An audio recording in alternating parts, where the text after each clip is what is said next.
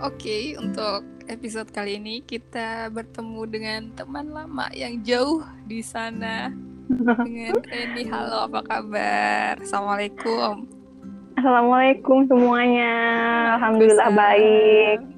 Mbak Nuni gimana Mbak? Alhamdulillah baik. Eh kamu nggak pulang-pulang nih ke Jogja, nggak balik-balik? Apalagi motornya, ya Allah udah Iya. nggak mm-mm. tahu lah itu debu udah 5 cm mungkin. Udah berapa ya? Berapa bulan sih dirimu? dari dari Maret berarti sekarang udah kayak um, tujuh bulan Mbak. Hmm, hampir setahun. Heeh, ya Allah. Sama kayak waktu pandemi awal gitu bukan sih? Iya itu Pandemi awal itu berapa bulan? itu itu kayaknya udah setahun deh Mbak. Oh, Bener-bener kosannya udah kayak jadi cuma cuma tempat nitip barang kasihan juga sih sebenarnya. iya. Tapi apa daya. Dan terus bayar ya. Iya. Nggak ditempatin. Heeh. Aduh, sayang banget sih. Tapi katanya kemarin bilangnya rencananya Juli mau balik. Iya Mbak rencananya. Tapi sekarang ternyata udah kerja Mbak di sini. I see. Ah. Udah kerja, pantesan sibuk sekali ya dirimu ya bun ya. Iya. Oke nantilah. Insya Allah pokoknya bakalan balik sih ke Jogja. Ya lah harus lah banyak barangnya itu. Iya ada harta benda yang harus diambil. bener bener bener. Eh kamu pertama ke Jogja itu apa sih kuliah ya? Kuliah di Jogja. ya? Iya jadi pertama kali di Jogja itu kuliah UI jurusan Oh, akuntansi. Hmm. Iya. Ya, UI itu kampusnya banyak ya? Yang di atas di daerah Kali Kaliurang di atas itu bukan sih? Yang di situ bukan? Bukan. Kalau Fakultas Ekonomi kan ada di bawah di Condong Catur. Kalau yang di UI atas itu biasanya yang itu yang pusatnya. Nah, kalau FA, FH, maaf, FA, FH itu beda lagi. Itu ada di Taman Siswa. Oh, jadi memang gedungnya pindah-pindah berdasarkan majornya gitu. Iya, tapi soalnya kan awalnya tuh dia di itu yang pertama tuh di Tamsis sama di Concat. Nah, baru setelah itu dikembangkan di Kaliurang gitu. Karena kan nambah juga kan Mbak fakultasnya. Jadi harus nambah anu juga tempat untuk bangunannya. Jadi kalau di Tamsis sama di Concat kan udah nggak cukup lagi kan. Eh tapi kamu udah udah lulus kan atau udah graduation juga? Udah kah setelah terus di UII langsung ambil profesi kan di UGM. Nah sekarang alhamdulillah udah selesai sih profesinya, profesi akuntansinya, sisa ujian CPA. Hmm, oh itu akuntansi ada profesi juga. Berarti kayak arsitek juga nih kayaknya. Iya, kayak farmasi juga Oh. ada ada profesinya juga. Iya, Eh kalau akuntansi itu profesinya berapa lama? profesinya satu tahun. Oh, Nah, satu tapi- tahun. Ntar ada matrikulasinya lagi tiga bulan gitu. Jadi kurang lebih satu tahun leb- tengah lah gitu prosesnya. Itu di dari UGM daftar sampai kemarin? iya di UGM. Oh, berarti itu ada kayak ujian sertifikasi gitu nggak sih Ren? Oh, oh, Mbak, ntar ada ini lagi nungguin ujiannya kan ntar daftar dulu kan. Habis itu baru ada ujiannya. Oh, ujiannya tanggal berapa? Bulan bulan ini juga? Belum ada nih, belum ada kabar lagi. Oh, Katanya sih kemarin antara November atau enggak Oktober tapi sekarang kan Oktober udah Oktober nih belum ada kabarnya lagi bisa Iya. jadi diundur November atau enggak Desember Waduh, semangat ya, semangat. iya semangat Eh, gimana nih di Lombok update-nya? Udah buka belum wisata di sana? udah udah buka Eh, di sana Iya. level berapa sih? Kalau nggak salah ya Mbak kalau nggak salah level 2 kalau nggak salah Oh, level 2. Eh, kamu di Lombok di bagian mananya sih? di Mataram Di Mataram. iya Oh. Eh, yang waktu itu kan kayaknya di Lombok sempet ada kayak tsunami. Eh, tsunami atau gempa ya? Yang Gempa. Oh, oh, oh, gempa. oh. Yang Itu, Mm-mm. lautnya itu kan. Kamu dekat nggak dari Mm. situ? itu pas itu tuh dia tuh kan kayak gempanya tuh kan satu lombok gitu loh mbak jadi kayak sempat katanya mau tsunami tapi alhamdulillah enggak. Nah, tapi itu tuh udah katanya air lautnya udah naik kayak gitu-gitu. Nah, iya. Itu 2018 pas waktu aku lagi KKN di Klaten. Nah, tapi Oh. alhamdulillahnya nggak sampai tsunami, cuman gempanya memang berhari-hari dan iya berhari-hari dan klimaksnya tuh malam pas waktu itu tuh semua mati lampu katanya gelap bener-bener gelap. Serem lah pokoknya katanya tuh langitnya juga gelap. Orang-orang udah kayak pada riuh kan keluar dari rumah untuk nyelamatin diri pada ke lapangan macem-macem gitu. Terus ada yang teriak-teriak katanya air air lautnya udah naik air lautnya udah naik kayak gitu-gitu. Oh, gitu. Oh, tapi pada saat itu kamu memang lagi KKN di Klaten, Klaten, itu di hmm, Jawa, ya kan? iya oh, waktu itu keluarga gimana? Emang keluarga. di maksudnya tempatnya kena kena gempa juga atau jadi semua Lombok itu ngerasain gempa? iya. Iya mbak. Jadi keluarga juga kena sih kena gempa juga sempat selamatin diri ke lap- cari tempat lebih aman gitu loh lebih sih kemarin perginya ke lapangan gitu lapangan kayak alun-alun lah istilahnya. Nah ke situ orang-orang pada ke situ juga ini berarti kamu kerjanya sekarang di Lombok ya? Kayaknya kalau Iya. Lombok itu banyaknya resort-resort buat enaknya buat tamasya, eh, bukan tamasya, rekreasi, travel lah ya. Heeh, Kalau buat sana pariwisata Hmm? Pariwisata lebih Bener. terkenalnya. Itu kamu Iya, kerjanya di apalagi- daerah mana? Kenapa? di Mataram di Cakra Oh, di Cakra Mm-mm. juga kerjanya. Berarti deket ya dari rumah. lumayan eh, kayak 10 sampai 15 menit nyampe Hmm. Terus apa nih yang menarik di Lombok untuk didatengin? Kan kamu Oh. travel, traveler banget nih. Udah punya udah yang punya Lombok deh kayaknya. ah, ah, banyak banget yang harus didatengin kalau ke Lombok apalagi sekarang Contohnya ada apa sir tuh? sirkuit kan sirkuit Sirkuit. Mandalika itu loh mbak yang ntar 2022 MotoGP motor Jeep MotoGP apa MotoGP sih bilangnya itulah pokoknya ya Pembuatan sirkuit lagi itu. Eh, bukan. iya kan udah sirkuit. udah jadi Mm-mm, udah jadi di itu daerah Kute jadi dia tuh sirkuitnya langsung pemandangannya laut gitu loh mbak asik banget kan tuh eh, di Kute itu namanya di Oh, itu. KEK kawasan ekonomi khusus Berarti itu terus mm-mm. terus kalau di Lombok ya kalau mau dikunjungi tuh banyak ada gate terutama paling terkenal kan pasti kayak Gili Trawangan iya, betul. ya terus Kute itu juga harus terus Eh, pantai Senggigi banyak banget lah pokoknya air terjun juga ada mata air dingin juga ada pantai ada yang adem-adem ada iya sembalun kayak gitulah. Iya sih, aku lihat postingan feedmu yang satunya lagi itu kayak postingannya semuanya traveler dan kebanyakan juga di laut ya kan kayak di iya sana memang banyaknya laut ya nggak? iya mbak banyak laut Hmm. Eh, garis pantainya mm, mm. Nah itu yang di Lombok kan aku sering lihat dulu ya dulu maksudnya yang Instagramnya beli itu eh, pantai yang ada ayunannya itu di mana sih? Ren? Oh itu pertama itu di Gili Trawangan itu mbak yang ada di pulau. Jadi kita kayak ke Bangsal terus kita nyebrang ke Gili. Nah jadi di situ Gili, di sebelahnya Gili Trawangan tuh ada lagi namanya Gili Meno Gili Air sama Gili Trawangan itu. Nah itu tiga Gili itu biasa dibilang tiga Gili gitu loh. Jadi tapi orang-orang biasa ke Gili Trawangan paling rame. Hmm, tapi gara-gara dia hit kan banyak orang fotoan kayak gitu di. Di ayunan gitu jadi sekarang pantai-pantai di sini rata-rata ada ayunannya sih mbak sekarang Oh, Jadi kayak semuanya udah di mayoritas ada ayunan gitu kan. Kayak Iya. karena karena salah satunya itu yang terkenal gitu kan yang di Gili itu. Heeh, bener Hmm. Nah, kamu kerjanya ini di bidang account accounting juga, bidangnya iya akunting tapi sebagai staf pajak staff pajak. Oh, Mm-mm. di bidang apa sih? Di company travel travel agent gitu atau Hmm. gitu. perusahaan distribusi perusahaan distribusi dan agen resmi tunggal di NTT NTB Oh, tapi kantornya di Lombok. ya Nah di Lombok ini yang menariknya lagi mungkin untuk transportasinya. Kalau di sana gimana sih Rin, untuk transportasinya? Uh, kalau misalkan apa ya ojek online atau apa gitu ada nggak di sana? Udah ada? Oh ada, oh, ada. Sudah ada ya.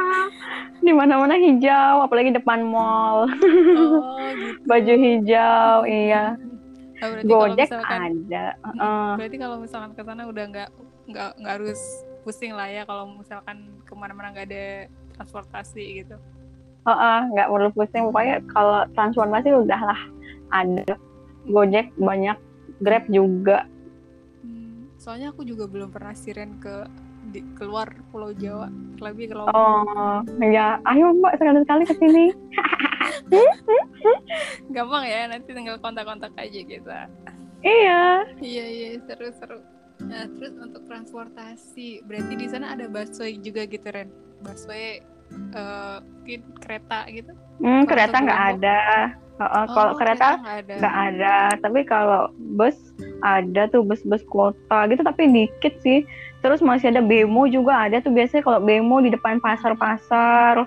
Cidomo juga ada di depan Cidomo pasar apa? biasanya. Oh, Cidomo tuh itu yang Sidomu. kereta kuda. Apa sih namanya?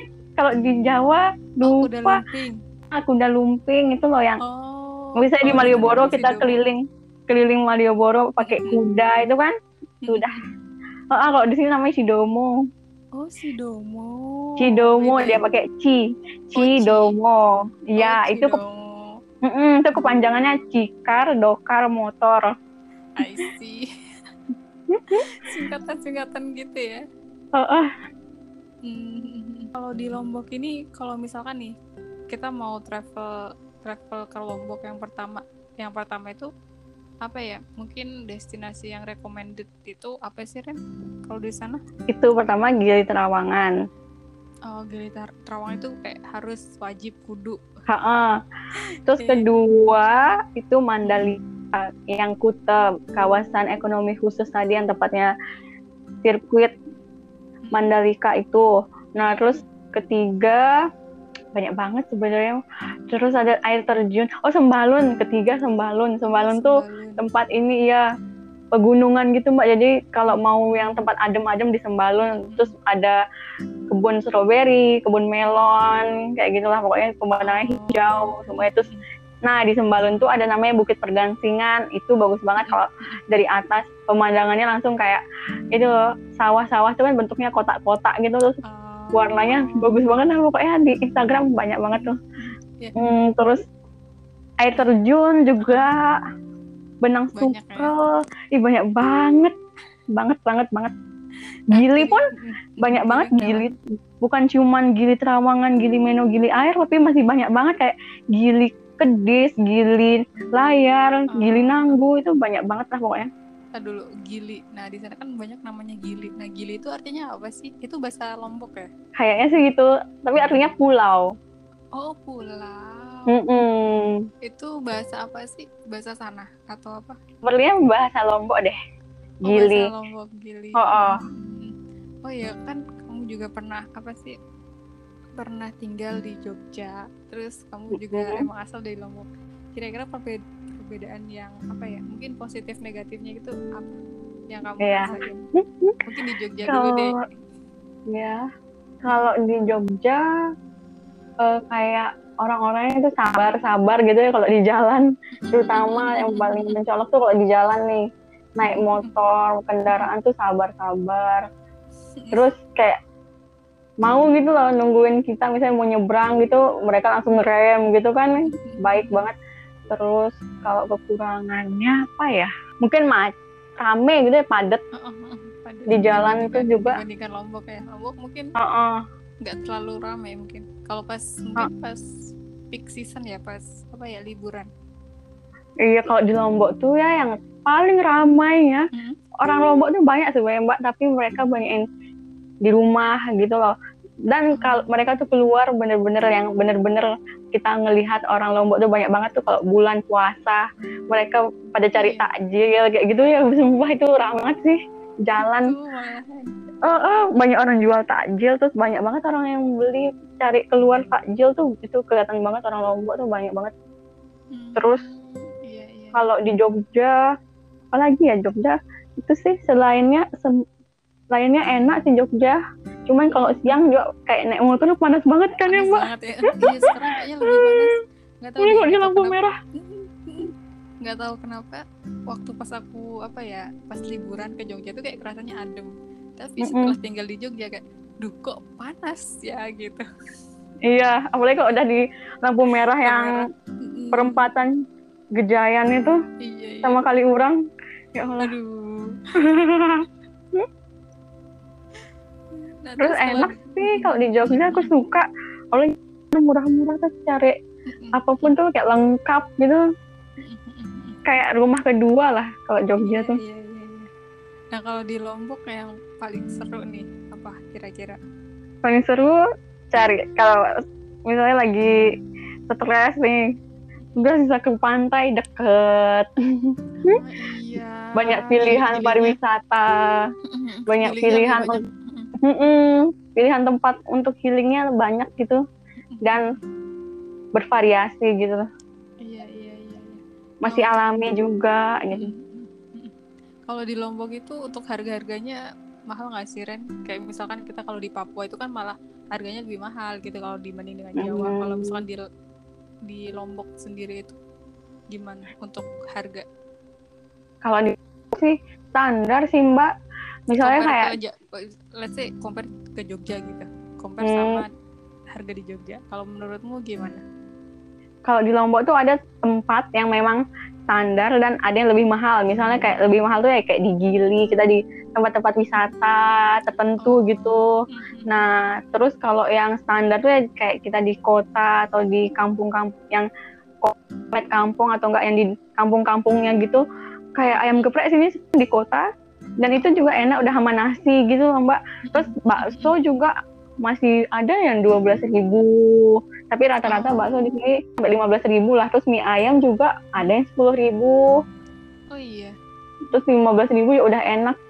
10.000 ribu juga enak. Macam-macam standar sih. Terus kalau tapi pokoknya paling murah sih Jogja sih kalau dibandingin sama Lombok. Hmm. lebih murah maksudnya. Enggak sih, maksudnya kalau di Jogja kalau misalkan mainnya ke mall ke mana juga ya sama aja ke Malioboro gitu kan lebih mahal juga. Terkadang gitu. iya Heeh, heeh, kayak Iya, gitu Dibandingkan, dibandingkan kita yang di kosan, maksudnya kalau di daerah kosan ya murah gitu Mm-mm. kan. Mm-mm. Kita aja nyari tempat yang murah dan affordable. Iya, bener. Tapi kalau di Lombok aku belum pernah sih ketemu yang kayak Chinese food yang murah tapi udah banyak porsinya tuh itu belum sih. Ya kan kayak di daerah Concat kan banyak tuh yang kayak seafood, Chinese food itu Iya. yang lima belas ribu tapi porsinya udah banyak. Itu di Banyak. sini belum ada sih yang kayak gitu aku ketemu.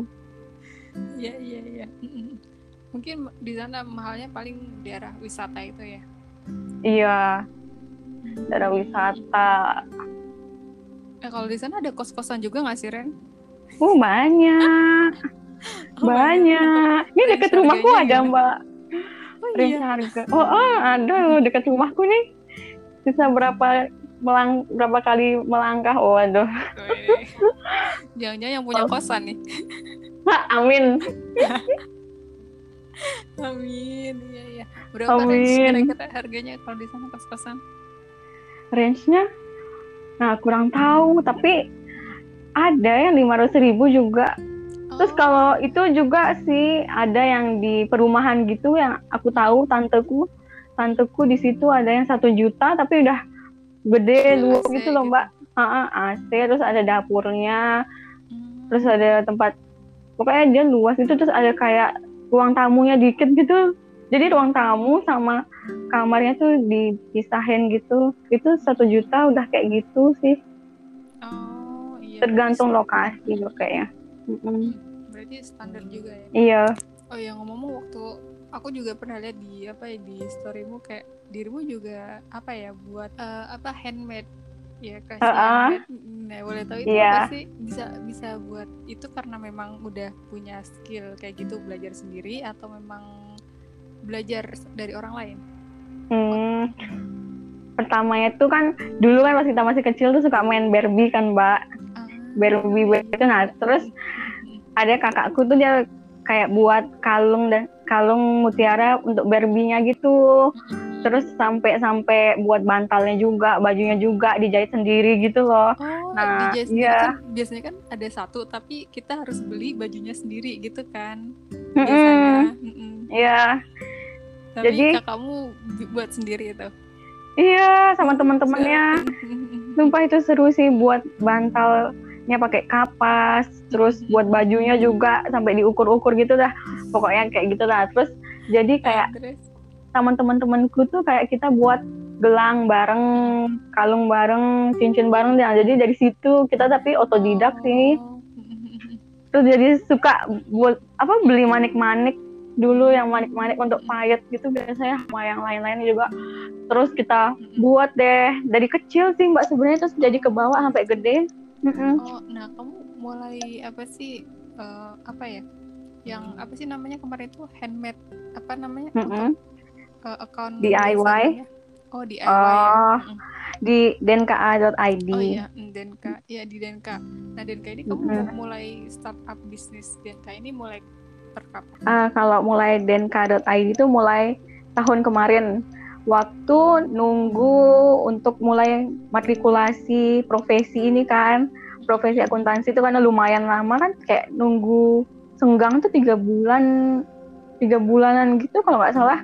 Nah jadi gabut kan mbak. Terus Iya. mulailah munculan kan karena sekarang mulai pandemi juga kan tahun lalu tuh terus orang-orang pada kayak cari mas strap, mas konektor Iya. ya udah langsung Salah aja aku tuh. sebagai customernya. Iya, Keren. jadi langsung. Masa aku Langsung pakai buat- loh BTW. Ya kan awet kan? Aku juga. keren deh. Mm-mm. Iya. Hmm, apalagi bisa request ya Mbak, request, Iya, request bener. warna. Itulah Nah, mulai waktu- dari situ. Kan waktu kan maksudnya handmade itu kan banyak macamnya dari mulai rajut mulai mungkin ma- makrem ma- makrem ya. Pokoknya bikin apa sih kayak tali-tali gitu. Nah terus kenapa sih kepikiran ah mendingan pakai yang man nah ya manik-manik kenapa harus? Oh, soalnya kalau pakai manik-manik tuh pertama udah punya nih manik-maniknya dari Nah, udah punya kan terus kayak pertama itu buat sama temen gelang. Berdua juga nih sebelum sebelum mulai jualan. Kok bagus sih ya kayak mirip sama yang dilihat di di online shop online shop gitu. Terus ya udah Iya. mulai dari situ kayak beli sedikit sedikit demi sedikit manik-maniknya. Kok banyak juga yang mau beli gelangnya mas strapnya tuh. Jadi kayak lagi nambah Mm. manik-maniknya terus jadi kayak berkembangnya begitu deh Iya sih seru maksudnya kayak apa ya eh inspiring banget kalau menurutku sih kayak wah kok bisa ya gitu bisa buat handmade dari manik-manik gitu kayaknya itu agak Iya. ribet nggak sih Ren maksudnya kayak harus nyamain apa sih nyamain kan itu kan kayak ada part di mana part itu harus sama dari kanan sama kiri Iya. kan Heeh, Terus heeh. itu gimana caranya nah itu jadi kayak kita pertama nih mau pakai manik-manik yang mana aja nah terus kalau udah pilih manik yang mana aja terus warnanya apa di mix and match gitu kan. Nah ini kadang-kadang kalau kurang cocok juga dibongkar lagi gitu loh mbak. Tapi nggak nggak seluruhnya dibongkar. Misalnya kayak baru satu sen enggak lah satu senti lima senti lah misalnya. Udah lima senti kok kurang cocok eh, kurang bagus dibongkar lagi. Terus cari inspirasi yang lain dipikirin dulu gimana ya bagusnya mungkin kayak kalau ini sama ini cocok. Terus di ini sih kalau itu juga di diukur pakai pengukur itu. Aku biasanya pakai pengukur baju itu kan untuk supaya kanan sama kirinya sama. Iya. Mm-mm. Iya, terutama kalau buat mas strap kan kalau kanan sama kiri harus sama kan. iya Jadi Rep. mm-mm, butuh ketelitian dan kesabaran sih kalau buat itu DIY manik-manik apalagi kalau manik-manik yang kecil kan apalagi tuh bener-bener yang iya kita tuh satu-satu terus Mm-mm. dia lama nggak tapi kalau sabar kan insya Allah jadi aja mbak Iya, strap terus bisa bikin cincin, bisa bikin gelang gitu. Mungkin nextnya gelangnya gelang couple udah ada belum? wah belum ada Yang versi Kalau- couple kalau- couple-an gitu lah. Iya. kalau couple yang cewek sama cowok kan berarti itu biasanya kan kalau cowok kan nggak mau kan dia pakai manik banyak-banyak. Iya, mm-mm. Mungkin paling paling pakai bibit tang hitam iya tali hitam gitu kan ya atau nggak coklat terus kasih satu satu lam apa lo ah, apa sih istilahnya? Itulah liontin itu Iya, liontin. Liontin. Iya sih. belum sih mbak belum kepikiran sampai sana Tapi sekarang manik manik maniknya kamu bawa ke Lombok atau masih di Jogja? dibawa ke Lombok Oh, jadi biar lanjut bisnisnya di sana gitu ya? iya Hmm. ini dikirim Seru-seru. Nah kan di di Lombok kan juga banyak wisata ya. Kamu sempat kepikiran, maksudnya kamu sempat ada ide nggak untuk ah mendingan buat apa ya drop drop ini loh kayak drop karya Hmm. DIY gitu ke tempat-tempat Hmm. wisata gitu. hmm, belum tapi sempat tuh kan tahun lalu Mm-mm. kakakku ngajakin ayo kita temenin kamu jualan ke itu ke pantai-pantai tapi Nah, nggak iya. terrealisasi Kayaknya lumayan, maksudnya kayak di sana itu kan lebih banyak orang yang hand, apa membuat handmade untuk para turis, iya nggak sih? iya bener-bener Hmm, mm, mm, mm. Mungkin- tapi ya mbak iya karena sekarang udah kerja juga kan iya. buatnya tuh juga tergantung ini pesanan dan mood dan Bener waktu banget. senggang Heeh. Iya betul. Soalnya kalau misalkan udah kerja tuh ya udah capek gitu kayak nggak yang soalnya kalau Iya. aku ya aku sendiri ya aku juga sekarang Mm-mm. lagi suka buat ngerajut nih. Jadi Mm-mm. kalau misalkan udah udah capek terus kayak ya udah aku, aku tinggalin gitu kan. Mm-mm. Misalkan bisa gitu kan. Kayak butuh Mm-mm. mood yang yang moodnya nggak nggak yang Iya. swing ya nggak sih? mood dan niat Nah, betul sepakat. itu udah bener memang apalagi rajut kan butuh tel- ketelitian dan anu ntar kalau salah-salah dikit dah beda sama yang lain kurang bagus jadinya. Mm-mm. ya apalagi sekarang udah kerja ya ya Allah. Rasanya pulang kerja tuh langsung kayak udah apa ngapain? Iya. Sama-sama. Eh berarti kamu sekarang WFO udah? Iya. Dari awal dah WFO oh gitu. Udah seru banget nih ngobrolin tentang Lombok tentang handmade Mm-mm. gitu. Mm-mm. nah mungkin ada pesan-pesan nggak sih buat teman-teman di sini kalau misalkan pengen mencoba karya handmade apa aja sih yang harusnya harus dimilikin terus apa aja yang mungkin yang apa ya yang harus dipelajarin gitu kalau buat karya handmade Hmm, pertama mungkin kalau untuk niat awalnya itu kalau handmade kan harus niat awal. Niat awalnya tuh untuk memulai itu itu yang penting pertama terus sabar. Sabar masuk-masukin manik-maniknya yang kecil-kecil maupun yang gede-gede sampai jadi. Terus sabar, teliti juga penting ketelitian supaya warnanya tuh sama terus ngikuti ritme lah istilahnya. Iya. supaya enggak kalau random sih ya boleh terserah sih. Random kan juga bagus lumayan. Terus setelah selain itu modal. Modalnya juga kan untuk beli manik-manik talinya alat-alatnya terus pengaitnya terus kayak diuji juga gitu loh ketahanan dan ke- kekuatan dari produknya tersebut tersendi- sendiri. Jadi pertama sebelum dijual tuh ya kamu pakai dulu gitu loh produkmu. Tahan nggak tuh produk? Ya tahan nggak tuh produk? Misalnya kalau ditarik atau nggak dipakai sebulan tuh sebulan lebih tuh masih awet nggak dia gitu sebelum kita jualan. Gitu sih. Gitu. jadi supaya kayak orang juga beli nggak kecewa gitu kan ntar kalau dia Heeh, kalau cuman bertahan kurang dari sebulan. Buat apa Ntar- juga gitu? iya. Iya sih aku juga yang dari kamu udah berapa bulan? Tujuh bulan ya masih aku pakai terus tuh. Ya Allah. Sumpah waktu cepat sekali berlalu. Iya mm, kataku wah awet juga nih pengen nah Iya. lagi insya Allah lagi tapi dari lombok.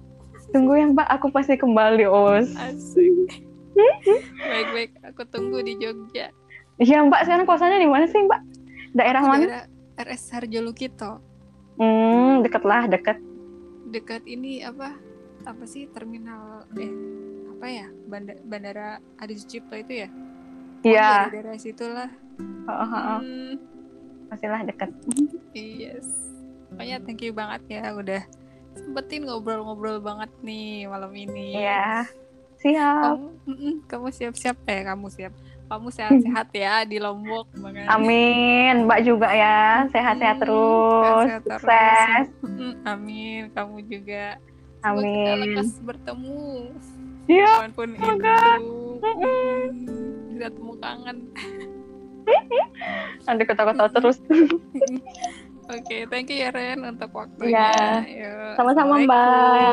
Waalaikumsalam.